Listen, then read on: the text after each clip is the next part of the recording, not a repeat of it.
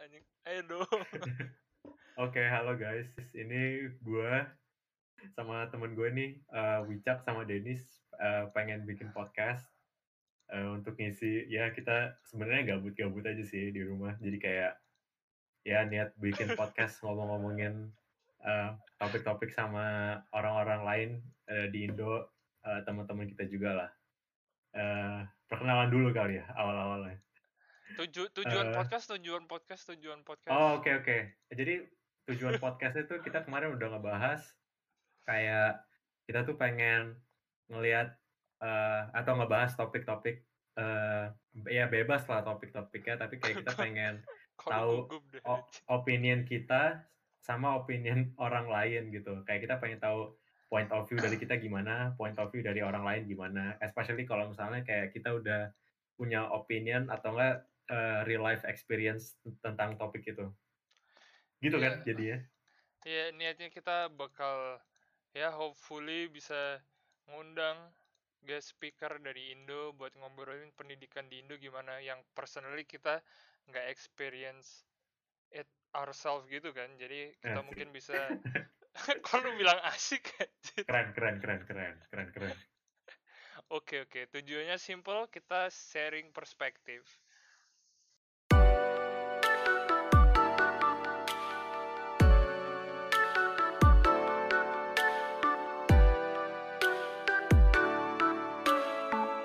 Nggak ada poin gitu yang mau lu omongin anjir. Iya, basically kita gabut aja sih. Mereka ngomongin bener-benernya ya sebenarnya kita gabut aja pengen ngisi waktu. Oke. Oke, perkenalan lu dulu, Pet. perkenalan. Oh, gue dulu nih, paling tua ya. Iya, eh, nama gue Patrick, umur gue 21 tahun, dan gue sekarang lagi kuliah di Belanda, udah tahun terakhir. Gue ngambil eh, teknik industri. Teknik industri Dan udah. sebenarnya Umur umur 21, 21, udah, lu 21, nggak dengerin. 21 gue. gue gugup anjir. Oke, nama gue Denis, eh, umur 20, teknik industri juga. Industrial Hobi, engineering, bro. Hobi? Hobi nggak Hobi, boleh. hobi Hobi, jangan dulu lah, hobi jangan 18 dulu. plus sudah. Oh, hobi jangan dulu. Cakil lu sekarang. Ya udah nama gue Ahimsa, tapi nih berdua suka manggil gue Wicak. Jurusan kita bertiga sama teknik industri. Eh gue satu tahun eh, bareng sama Denis, satu angkatan. Ya, jadi gue basically si nih, gue kakak kelasnya nih, gue seniornya. Patrick tahun 4 ya. Udah Iya. mau lulus lah, guys. Kita Ya, baru mau doa- masuk tahun ketiga. Doain aja lah. udah mau lulus. Poin yang kita mau bahas di podcast pertama adalah kuliah Belanda worth it atau enggak. Nih, kita Nah. ngobrolnya berdasar poin apa nih? eh mungkin kita introduction sama ngejelasin jurusan dulu kali ya. Oke, oke. Boleh, boleh. Tapi kita semua teknik industri, jadi ya Ya basically makanya nggak apa-apa, nggak apa-apa kan. Kalau misalnya jurusan sama kan opinion sama perspektifnya beda. Ah, Oke, benar. Iya. Serius. Oke deh. Oke. Da- Karena tadi gue introduction mulai dulu, sekarang Dennis yang mulai duluan. What the hell, ini orang aja. Oke, eh, kuliah di Belanda 4 tahun sama sih sebenarnya kayak di Indo, tapi kuliah di Belanda bedanya ada dua. Satunya applied science, satunya duh apa lupa gue namanya yang teori-teori doang. Ya university. Iya, satunya university, yang satunya applied science. Jadi yang applied science lebih practical, yang university yang lebih cuma teori doang. Eh bedanya bedanya kalau di teori tiga tahun doang nggak sih kalau nggak salah? Iya, terus nggak ada nggak ada internshipnya. Ya mereka nggak punya eh inilah internship experience atau something kayak gitu. Mereka tiga tahun doang udah bisa Ujian-ujian lulus. doang. Ya uji-ujian doang. Ya kita juga ujian sih sebenarnya. Cuma kalau di kita empat tahun bedanya adalah satu tahun lebih dari yang kita dapat itu internship. Bener nggak pet? Kan lu tahun 4 nih. Benar, benar, benar. Tapi tapi gue nggak empat tahun gue kuliahnya, gue empat setengah tahun nih. Iya nggak apa-apa. Semua orang juga nggak nggak Maksudnya ini empat tahun, inilah minimal lah, minimal empat tahun. Iya Minimal iya empat iya. tahun. On time 4 tahun kalau Apa? eh, kalau ada kalau ada hambatan di jalan ya empat setengah lima banyak yang kayak gitu Jadi yang gue dapet ya, yang gue dapet selama hampir dua tahun, eh, udah dua tahun sih, udah dua tahun di sini. Dua tahun pertama kita literally belajar yang sekiranya basic dari major itu nggak sih, kayak ya semua pelajaran nih kalau teknik industri ya ekonomi, eh, manajemen, bla bla bla. Terus di Iya. tahun tiga kita ada minor sama internship. minor tuh Kalau apa tuh? Jelasin. Kok gue terus anjir? Dulu lah satu kali minor apa ancak? Minor minor basically lu bisa ngambil ngambil apa ya? Ngambil jurusan yang lain. Ngambil kelas yang lain. Contoh selain contoh dari contoh contohnya misalnya kalau lu misalnya teknik industri kan lu pasti bakal bakal kerjanya di daerah logistik.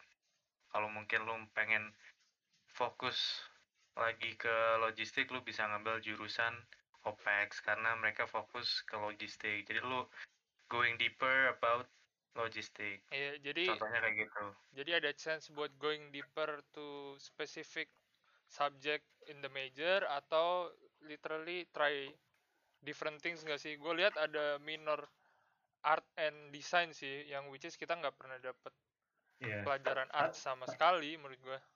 Tapi menurut gue minor tuh kayak apa ya? Kayak yang seru dari minor tuh, eh, maksudnya at least di apa? eh, ku- apa Fontis tuh maksudnya kita ada chance buat study abroad gitu. Kayak ini especially di Oh, jurusan kita banyak yang ada Nah, iya opportunity juga. kayak Bener-bener. eh, exchange ke Korea, bis- eh, ke Jepang juga ada.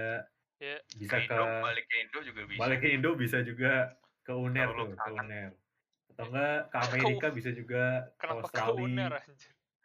Ya, jadi Ya, minor banyak lah. Jadi minor selain itu tadi di lingkungan kita sendiri juga bisa exchange ya, karena kita Nah, punya partner university di banyak negara lah. ya. Ah, mungkin itu bisa buat ide next episode tuh. Tadi abroad. Ya udahlah gampang. Terus Oke. ya setelah minor biasanya di tahun ketiga Tiga. semester 2 itu ada internship. Internship ya basically kita nyari experience di company lah yang mostly related sama pelajaran kita of course. Kalau teknik industri di sini berarti kita lebih ke proses improvement, logistik, eh, ya basically kayak gitulah. Jadi kita enam bulan bakal ngejalanin internship di company. Ya. Yang pernah internship gimana nih experience-nya? Experience-nya Nih, jujur apa enggak nih? Ya, Jujur. Jujur lah. Jujur. Em, gimana ya? Menurut gua apa yang lu pelajarin sama yang lu apply di internship itu lumayan beda banget sih. Jadi kayak kalau misalnya lu udah lama belajar di sekolah, cuma bisa belajar dari buku doang, terus lu tiba-tiba terjun di dunia kerja, ada expectation, ada manager yang ngasih tahu lu harus ngapain. Menurut gue itu expectation-nya sama pressure-nya itu nggak apa ya sesuatu yang baru gitu loh buat anak yang Jadi especially kita di Indo dari SMA langsung ke sini jadi kita nggak ada experience kerja. Maksudnya eh, in general orang-orang kan kayak gitu lah yang orang Indo ya. Jadi ya Bentar, tapi bentar. dari situ ya. Bentar-bentar. Jadi yang lu bilang kita gak guna dong dua tahun belajar terus internship literally yang lu experience beda sama yang kita dapat kayak gitu bukan apa bukan enggak? gak guna bukan gak guna. Cuman kayak yang kita dapat tuh cuman teorinya doang gitu loh kalau misalnya di internship tuh kayak em, lu benar-benar harus bisa make yang lu pelajarin gitu Hmm, hmm. Ya, jadi bedanya applied science sama university di Belanda itu ya guys. Kayak kita akhirnya ngerasain gimana rasanya kerja beneran di company yang which is kalau Patrick bilang waktu sekolah kita beda rasanya. ya kan lu dua tahun belajar banyak banget terus lu kerja kan kadang suka bingung ini kita teori yang mana sih yang harus kita pakai terus kita sebenarnya pakai cara yang mana kita udah belajar banyak terus aplikasinya gimana kan masih kurang di daerah pengaplikasian teori-teori itu kan kita informasinya masih kurang kurang experience lah. Walaupun kita sebenarnya udah ada ini apa eh, pas kita tahun kedua ada project buat company cuman menurut gue itu ya itu eh, bagus sih da- dari Fontes sudah bikin Oh, tugas iya. eh, yang kayak kita udah dibiasain kerja di company. Oh iya. Gua Cuman lupa kan itu gue lupa kita belum ceritain tahun 1 2 sebenarnya ngapain nih kita nih. waduh Kita udah jam ketinggalan ketinggalan ketinggalan. kita udah jam. Iya, ini kayak kita, kita kayak kita keburu-buru dah ini eh, tes effect nih. Ya udahlah. Tahun jadi kita empat tahun kan kalau di applied science. Jadi mostly Minimal minimal 4 tahun, minimal 4 ya tahun. minimal empat tahun minimal ya. Rata-rata lima nggak tahu. tanya tentang itu yang gue bilang tadi mostly tahun 1 2 kita belajar basic ya benar tapi kita sebenarnya udah ini be- apa namanya kayak ada involvement sama pihak party luar lah kayak ada company. Jadi di tahun kedua sekalian kita belajar basic dari teknik industri kita juga nge-apply di project sama company. Iya. jadi kan eh, jadi dua di tahun kedua nih satu semester itu project satu semester yang kedua juga project lagi sama company luar lagi. Beda jadi bedanya tahun 2 sama tahun 3 yang internship kita kalau internship sendirian kalau di tahun kedua kita literally in a group. Jadi lebih gampang lah ya bahasanya. Gampang. Lebih subjektif sih itu tergantung Tergantung grupnya sih. juga ya. Gampang oke lah jadi oke di tahun 4 ngapain Pat tahun 4 itu eh, oke jadi semester pertamanya itu nanti dikasih project lagi eh, sama Fontis tapi itu eh sama buat company buat perusahaan juga cuman lebih susah levelnya dibandingin eh, yang di tahun kedua Ini ke susah level ini in terms of apa nih? Kayak literally jadi pelajaran kalau- yang kita iya. apply atau gimana nih? jadi eh, lebih susah karena application-nya beda sih kalau misalnya yang eh, tahun kedua sama internship itu biasanya project-project itu lebih apa ya operational lah kalau misalnya jadi kita benar-benar hands on sama proses di dalam company-nya itu gimana caranya eh, misalnya ngurangin atau yang ngurangin lead time misalnya itu contohnya. Aduh, tapi kalau ini misalnya nanti ini susah nih, susah. Kalau lu ngomong lead time yang paham kita doang ntar. Iya, iya. Eh, apa ya? Apa ya? Eh, lead time tuh indonya apa ya? Gue nggak tahu gue Jadi eh, kalau ya betul betul jadi lu bilang tadi di tahun eh, kedua yang kita experience sama company itu lebih ke operationalnya. Lu bilang gitu. iya iya iya Eh, yang which is kita lebih ngurusin ya waktu operasi lah gampangnya kalau di Indo nah ngomong. gitulah gitu gitu Jadi kalau pabrik kan ada produksinya kayak satu menit ngeproduksi satu, berarti di menit kedua ngeproduksi dua. Tapi kan Nah. tapi kan nggak tiap waktu kayak mereka stable gitu kan. Pasti ada variabel yang bikin lebih lama atau gimana. kalau kata temen gue belajar jadi buruh lah belajar jadi buruh Ya jadi buruh tapi ya ya ya benar sih. kalau yang di tahun keempat itu lebih eh, strategic pro- project jadi kayak lebih ngeliat dari sisi manajemennya Lebih dari sisi manajemennya. Lebih jadi lebih ke decision making atau lebih gimana nih?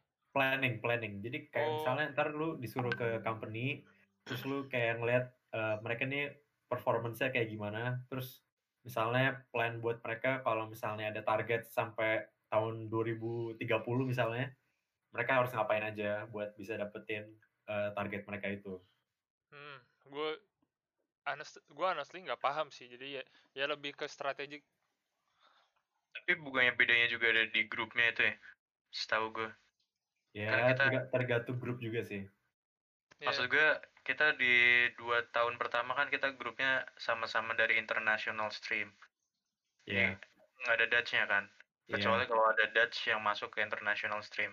Iya. Tapi gue dengar-dengar ada kita dicampur nih ntar sama orang-orang Dutch. Eh, keempat. kelasnya sih dicampur cuman kayak grupnya bebas milihnya. Tapi ntar ujung-ujungnya yang internasional sama internasional juga kan? Ah, iya Yang sih, Dutch kan? karena karena kita milih sendiri ya. Iya. Oke lah. Oke, jadi ya basically empat tahun kayak gitulah. Satu tahun basic, dua tahun juga basic, tapi kita involve sama eh, company luar buat project. Tahun tiga kita minor, bisa keluar, bisa memperdalam, bebas di mana aja. Terus ada internship juga yang kita mulai ngerasain eh, project sama company sendirian, bukan in a group. Terus di tahun keempat ada project lagi satu semester pertama yang lebih strategical ya, Pat. Iya, iya, Terus yang terakhir graduation project itu lebih ke thesis gitu kan ya. iya. Iya, Oke. skripsi lah.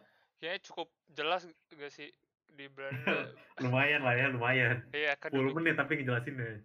akademik di Belanda kayak gitulah. Yang applied science 4 tahun kayak tadi, yang tiga tahun yang teori yang di university yang nggak dapat experience internship ya experience kerja. Oke. Terus nih, kita lanjut poin selanjutnya.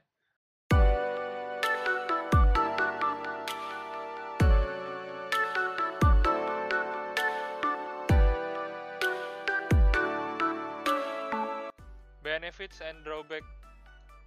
Bagus jeleknya lah bahasanya. Apa nih? Ngomongin bagus dulu lah. Ini bagusnya experience kuliah di sini atau apa nih? Iya, bagusnya experience kuliah di sini gitu. Apaan? Eh, saat ada satu sih yang langsung kayak gue langsung masuk ke dalam pikiran gue tuh kita jadi kita di sini tuh dibagi jadi dua stream kan ada yang Dutch ada yang international karena Oke. kita orang Indo nggak bisa ngomong bahasa Belanda jadi kita masuknya ke yang international dan itu tuh eh, banyak nationality di- dicampur jadi, jadi satu lah. Mhm, menurut oke. gue justru itu bakal jadi benefit sih. Even sekarang aja di angkatan bawah-bawah ini orang-orang Belanda ngeliat sendiri jadi mereka akhirnya masuk ke yang international stream gitu loh. Mereka bisa improve English mereka terus kayak ya exposure-nya itu sih yang menurut gue nggak bisa dibandingin sama orang-orang yang di Indo menurut gue ya Exposure, Even- maksudnya exposure kayak gimana? Ini kayak pergaulannya. Nah, ya pergaulannya itu ya outside of sekolah sama yang kayak di dalam sekolah. Jadi kayak misalnya kita um, di Indo kan kita let's say kita kuliah di Indo, ketemunya orang-orang itu-itu aja, kita udah tahu gitu loh mereka kerjanya kayak gimana, uh, culture-nya kayak gimana. Tapi kalau di sini experience kita ketemu orang-orang ya kadang positif, kadang negatif juga sih. Eh, gimana cara kita bisa adapt gitu loh ke cara orang kerja kan beda-beda kan itu Iya Gua- dari negara beda-beda. Yang gue tambahin dari poin Patrick kayaknya tadi kita jadi lebih bisa toleran sih sama orang yang Nah. punya perbedaan. Jadi kayak biasanya menurut gue ya, kalau orang-orang yang tinggalnya di satu lingkungan yang sama, mereka biasanya lebih sensitif kalau ada sesuatu yang beda. Kayaknya kita lebih toleran aja, semisal kayak ada orang yang punya beda culture atau beda perspektif lah. Apa ya. Kalau lu Iya. Cak, itu positif yang muncul pertama dari Patrick. Kalau lu apa? Anjing dia kencing dulu anjing. Eh cut this, cut this, cut this, cut this bro.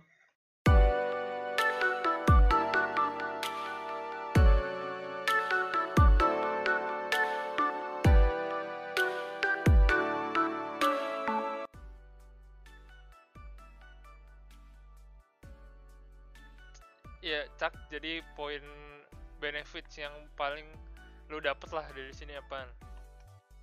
No bullshit dong, no bullshit. Asik. Aduh ini menurut gue bullshit sih ya. Tapi Kalau nggak kalau nggak ada bilang aja biar mereka tahu nggak usah ke sini aja. menurut gue kan kalau misalnya lu di Indo ya lu mikir gitu-gitu aja kan. Wah, Oh. lu lu lu jangan iya. gitu dong. Ini kan memojokkan namanya. Nggak baik. Maksud gue apa namanya misalnya lu lihat satu misalnya lu lihat A pasti kebanyakan orang mikirnya bakal sama sama yang kita pikirin soalnya kita background kita sama tapi kan kalau ke kita ke sini kita kan backgroundnya beda-beda jadi kalau misalnya lu nunjukin A setiap orang punya pendapat masing-masing jadi menurut gue itu yang bagus itu sih lu jadinya lebih terbuka lebih open minded Oke. Oh, menurut gue itu sih Ya mirip-mirip mirip mirip-mirip lah. Satunya toleran, satunya lagi open minded. Ya basically kayak gitu lah. Kalau dari gue sih, gue lebih rasa kalau di Indo gue ini sih, gue mungkin tetap malas belajar sih.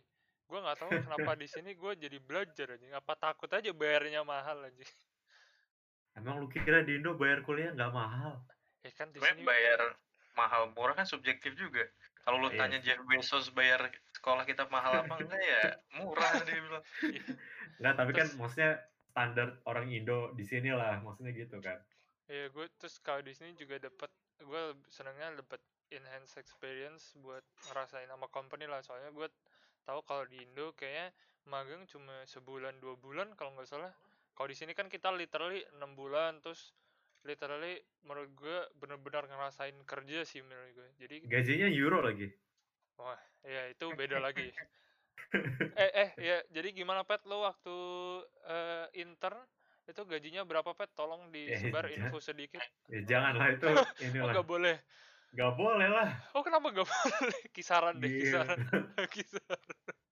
Iya, Jangan. maksud gue, itu kan gajinya Patrick udah termasuknya yang yang top class lah kalau misalnya ntar orang-orang ke sini ngeharapin iya. dapat segitu ya Bener sih. Tapi gue kasih Nah. info aja kan ini general information. Biasanya rata-rata eh, gaji internship per bulan. Buat buat jurusan ini ya, buat Ya jurusan, buat jurusan IM ya. ini, mer- eh, setahu gue 300, paling max 800 lah. Iya, 300 sampai 800. Jadi tergantung company-nya lagi ya. iya. 300 euro itu berapa sih? 300 euro 5 juta, 6 juta ya? Iya. Kalau dapat 800 bisa untung banget tuh sekitar 15. Wah, tiap bulan bisa beli laptop, Bro. tiap bulan beli laptop bener belum tapi nggak makan nggak bayar rumah kan, kan itu udah dikirim orang tua cak jadi oke Tapi ya, menurut drawbacks gue- nih, drawbacks, drawbacks. eh gue udah gue udah nih. ngomongin oke namain tapi kan tadi Dennis bilang kita jadi lebih rajin di sini kan. Lu jadi lebih rajin kan. Menurut gue itu karena lu ke expose sama lu ngelihat kalau kerja tuh susah. Kita nyari duit tuh susah. Karena bener lu internship lu bisa ngerasain kan. Walaupun kita belum internship kita dari project-project aja udah ngerasain kan kalau kerja itu susah. Jadi bener bener. mungkin ya mungkin ada efeknya lah sama pikiran kita. Jadi mikir kalau gua nggak nggak belajar kalau gua nggak kerja keras ya susah dapet duitnya. Gue benar, benar, benar. Gue sebenarnya juga kayak gitu sih. Gue takut aja waktu anjir masa ya gue statistik gak bisa apa-apa anjir. Gue ke company kalau ditanyain apa-apa bingung anjir. Nah, Kay- kayaknya bedanya di situ deh. Kalau di Indo setahu gue tuh magang cuma sebulan dua bulan men. Jadi gue nggak tahu itu literally eh, mereka ngerasain susahnya kerja atau enggak ya. Tapi ini yang gue tahu doang ya. Makanya kita share perspektif doang kalau eh, kalau di sini yang bi- yang bikin mau belajar ya kayak gitu kayak kita ngerasain kita gue takut gagal aja sih soalnya bayarnya udah mahal jadi kayak ya akhirnya gue lebih giat aja. Oke sekarang kita lanjut ke session selanjutnya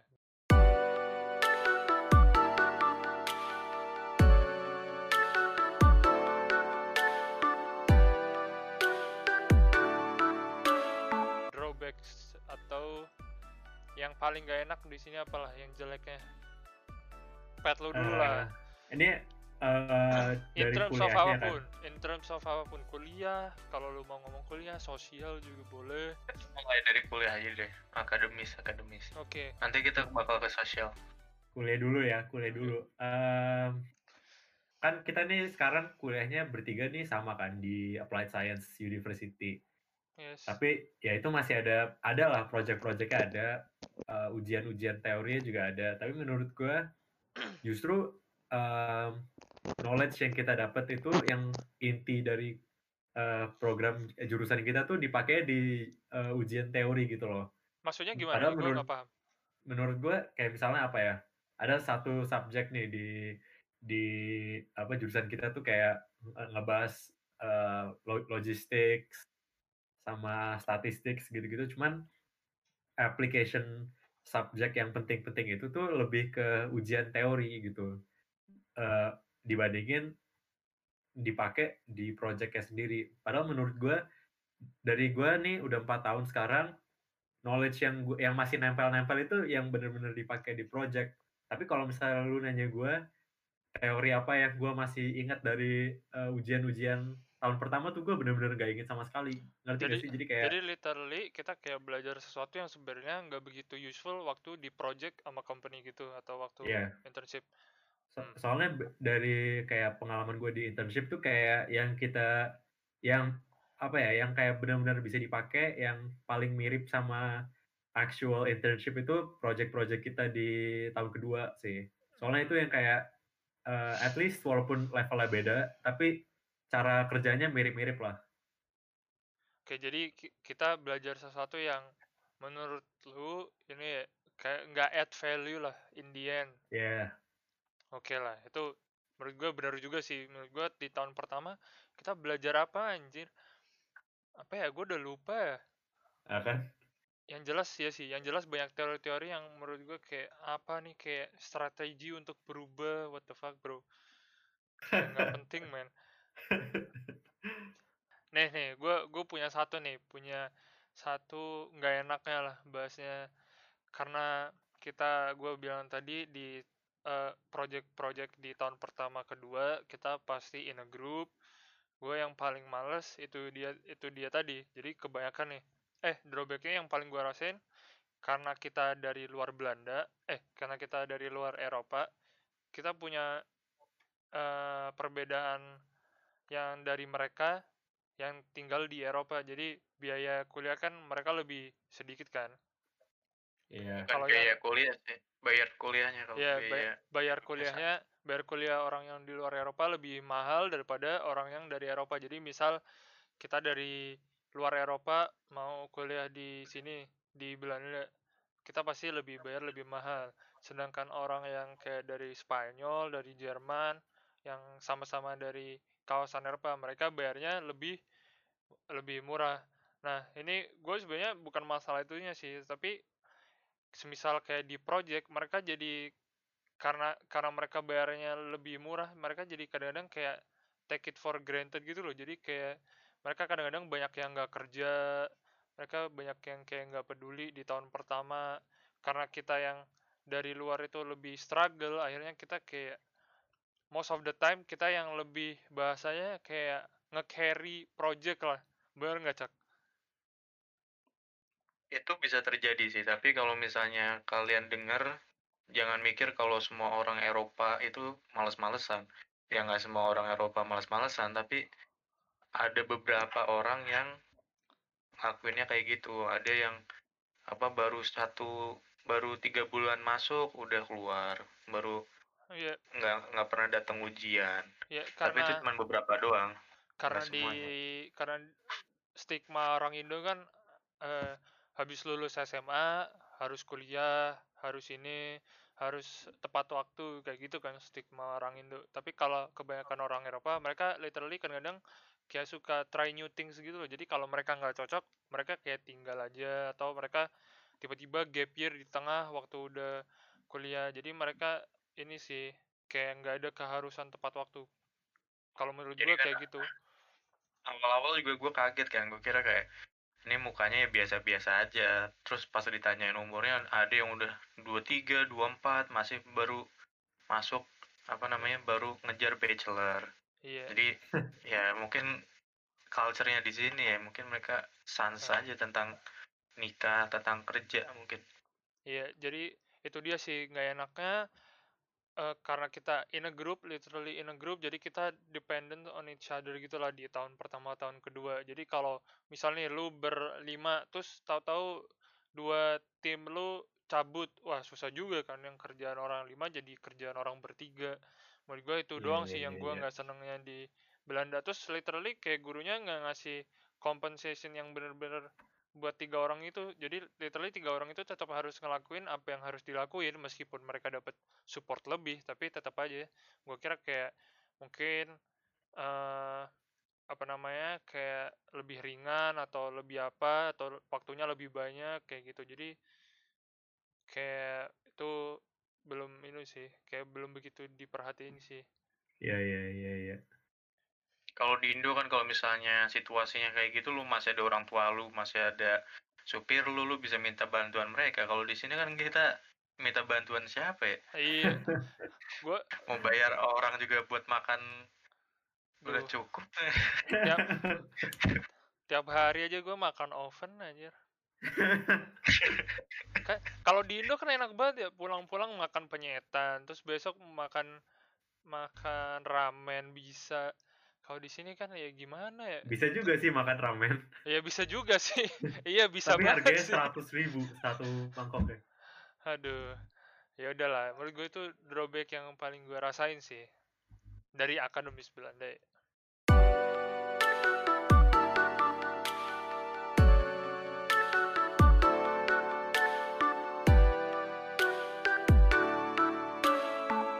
Oke, topik selanjutnya kita bakal ngomongin individual experience in general. Jadi kayak di luar akademis, enaknya di Belanda ngapain, susahnya ngapain, ya kayak gitulah. tadi kan dia kita udah bahas tentang akademis lah. Bosan kan kalau kita ngomongin akademis mulu. Jadi kita bakal ngomongin social social life kita. Ya. Dennis sama gue sih social life-nya ya Ya, hancur ya. Kita nggak ngapa-ngapain ya Ya, jadi bes- ya Patrick nih yang banyak experience-nya ya Pat. Ex- Jadi lu jelasin Experience apa nih? apa pun ya. Jadi yang paling mengesankan social life lu yang bisa kit- yang bisa lu dapet lah selain dari selain di Indonesia social life lu di sini gimana? Kalau menurut gue sih di sini apa ya social life itu lebih ya ada positifnya ada negatifnya lah. eh karena di sini kan kita di Eindhoven, oh ya ini by the way kita kotanya di Eindhoven di Belanda ya. Nah itu tuh biasanya kuliah-kuliah di sini tuh yang banyak bagusnya tuh ini jurusan-jurusan eh, engineering ya teknik ya. Jadi communication, business, management gitu-gitu kurang di sini. Nah kalau di Indo tuh udah lumayan bisa di apa ya terjemahkan lah itu kalau di Indo kan biasanya apa jurusan-jurusan itu biasanya cowok semua. Nah, kalau di sini tuh satu kota nih cowok semua. Jadi bayangin sendiri lah. Bentar-bentar, gue cut. Jadi ini literally bukan social life ya. Jadi lebih ke biological needs lu ya. Jadi lu bilang di sini karena kita especially di kota kita nih nama kota kita namanya Eindhoven lebih banyak orang teknik daripada eh, jurusan lain yang kayak communication, bisnis atau kayak gitu ya. Jadi rasio cowok ceweknya bisa satu banding eh cewek cowoknya satu banding enam gitu nggak sih menurut gua? Ya, kalau misalnya 10 orang nih, 10 orang. Pak, ya cowoknya 7 lah paling enggak. ceweknya tiga berarti Iya. Enggak sih Eh, menurut, bener nggak? Bener. Tapi gue ngomong kayak gua- gitu bener nggak? menurut gua dua Bener sih. kan? Kalau cowoknya tujuh, ceweknya dua sih atau bahkan satu menurut gue. Jadi ya ya jadi bisa menurut bilang. Patrick, jadi perspektif Patrick social life di sini literally ya kebanyakan cowok lah. Jadi kita ceweknya terlalu dikit. Jadi nggak bisa sharing gitu ya Pat ya. Nggak bisa Eh. sharing, nggak bisa sharing. Eh, ya bisa Sharing kalau misalnya ya apa ya kalau misalnya gue datang ke misalnya nih kan di sini kan suka kayak ada eh, ya party lah tapi dari di rumah lah gitu main sama anak-anak kuliah atau enggak anak-anak Indo juga gitu tiap kali gue datang ke apa eh, rumah orang temen gue tuh ya maksudnya at least kan kita udah kuliah capek nih udah kuliah udah, apalagi pas lagi Udah kuliah kan. capek, what the hell. Terus terus terus. kuliah udah kuliah kan capek nih ya kalau lagi weekend pengen itulah relax dikit lah Relax, masa ketemu ketemunya cowok-cowok mulu tiap hari man eh tapi tapi bukan homofobik kan? Bukan homofobik. bukan lah bukan, lah. Bukan. Gue respect respect all apa sexual needs orang-orang lah ya kita kita we have no room to say that Dennis Ya, ya kita ya, nggak ya, no kita bisa kita nggak bisa bilang kalau misalnya isinya cowok semua orang kita nggak pernah nyari cewek kita nggak pernah keluar kan ya yang bisa bilang itu cuma Patrick doang kita nggak pernah keluar Iya. Kalau oke lah, oke lah. Jadi intinya kalau dari sisi Patrick di sini ini ya terlalu kurang heterogen jomplang lah. lah jomplang jomplang Ya, jomplang ku- kurang heterogen lah. Ah, kurang kurang heterogen oke lah oke cak kalau dari sisi lu social life ya bukan social life lah other than academics yang bikin lu seneng apa deh mungkin kotanya kurang seru. Oh gue punya nih. gue dulu apa lu nih? Eh, lu, lu dulu deh, lu dulu deh. Kalau gue gue nggak senangnya kalau di sini kayak monoton sih literally. Gue nggak tahu kayak semua eh gimana ya kerasanya kayak beda aja. Kalau di Indo tuh kayak pulang tau-tau masih ada yang nongkrong atau apa. Kalau di sini nongkrong apa apa harus ke restoran terus mahal lagi. Jadi kayak menurut gue akhirnya ya ya terlalu monoton sih keluar buat sekolah terus habis sekolah udah pulang. Kalau mau keluar Kupu-kupu ya namanya kupu-kupu. ya kupu-kupu kupu kayak gimana sih? Kuliah pulang, kuliah pulang. ya kuliah pulang kuliah pulang. Ya gimana kan duit juga nggak banyak banget. Terus apa namanya eh buat tongkrongan luar juga makan doang minum doang.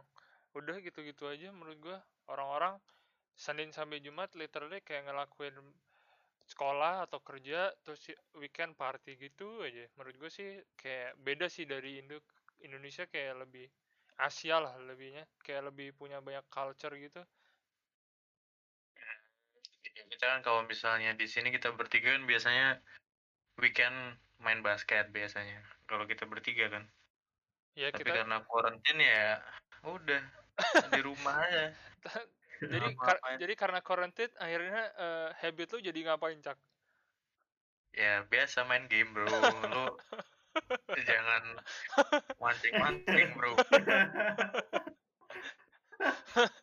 Gua- game bro. gue denger denger olahraga juga sih tapi ya oke lah Iya olahraga juga kan makan tapi nggak ngapa-ngapain ya harus olahraga. Bro. Summer go, summer body. terus menurut gue itu doang sih jadi itu doang Tapi teman-temannya gimana nih? Kalau orang-orangnya gimana?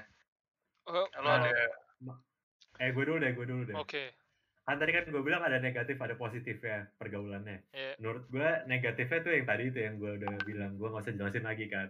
hmm, hmm. Tapi em, positifnya tuh kan di sini semuanya segala eh, bebas lah ya. Lu bisa ke red light district kan di sini kan eh marijuana juga legalized kan. what the fuck Jadi karena kenapa?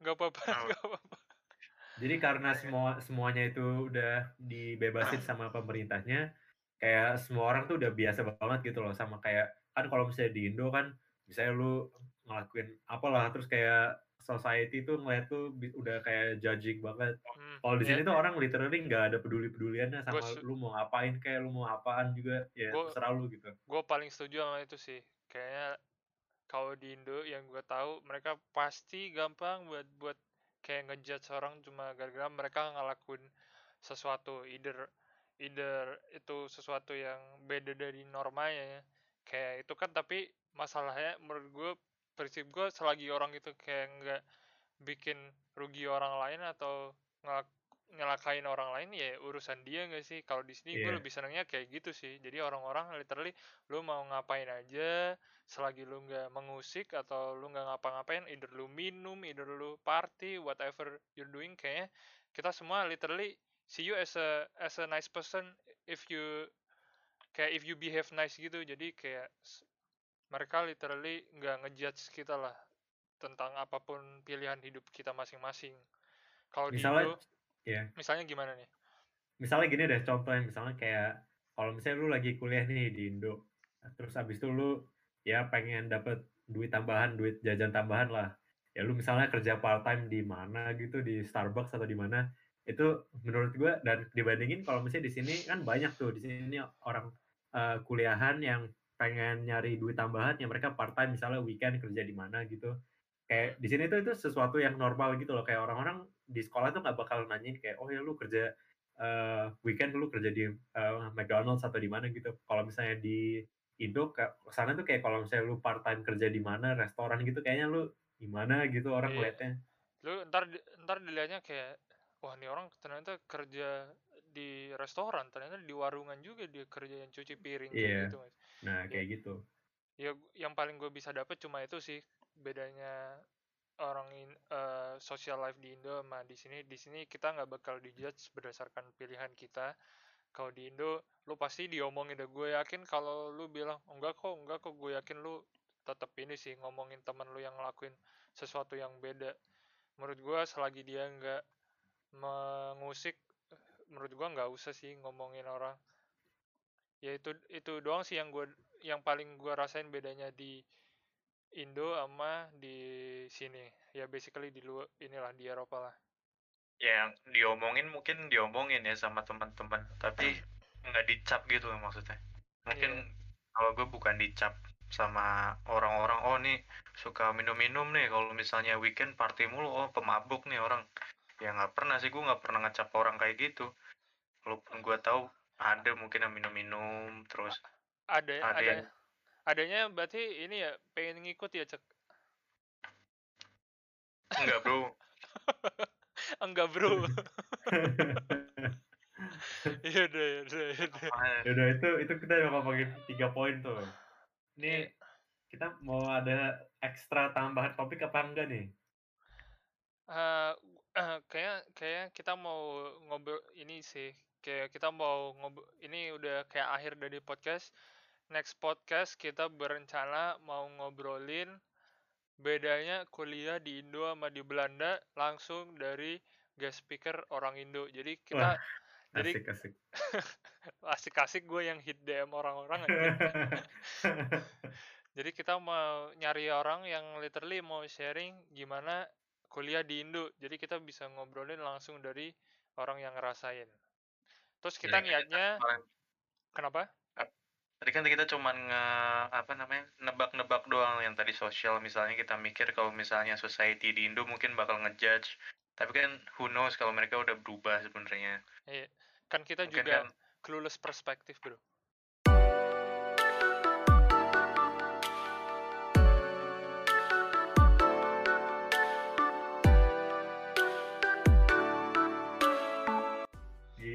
gila gila gila bacot banget ya ya udah. Uh, ya next oh episode. bisa juga kalau misalnya ini ya uh, buat nambah juga kan ini kan kita bakal ngepost di Spotify gitu. Kalau misalnya kalian denger terus kayak pengen interested share uh, experience kalian ya bisa juga. Bener. Terus so soalnya kita ngincar bukan yang uh, bukan yang temenan nama kita sih. Kita ngincar yang literally stranger yang mau sharing aja biar perasaannya lebih pure gitu lah nggak ada kayak takut teman atau apa-apaan gitu. Jadi ya yeah, iya. yeah. ya menurut gua next episode bakal lebih seru sih. Let's see. Seru dong sekarang. Ini closingnya gimana nih? Closingnya gimana nih? Closingnya gimana nih? Ini gua cut berarti. Cut? Eh closingnya gimana? Udah udah lah gitu aja. Terus kayak kasih instrumental udah kan kelar ya udahlah udahlah kayak gitu. Kita udah bahas semuanya dari akademik dari di Belanda ngapain aja bedanya social life yang paling beda kita rasain di Indo sama di Belanda apa. Terus next kita bakal coba langsung ngobrol sama sumbernya guys. So see you on the next episode. Asik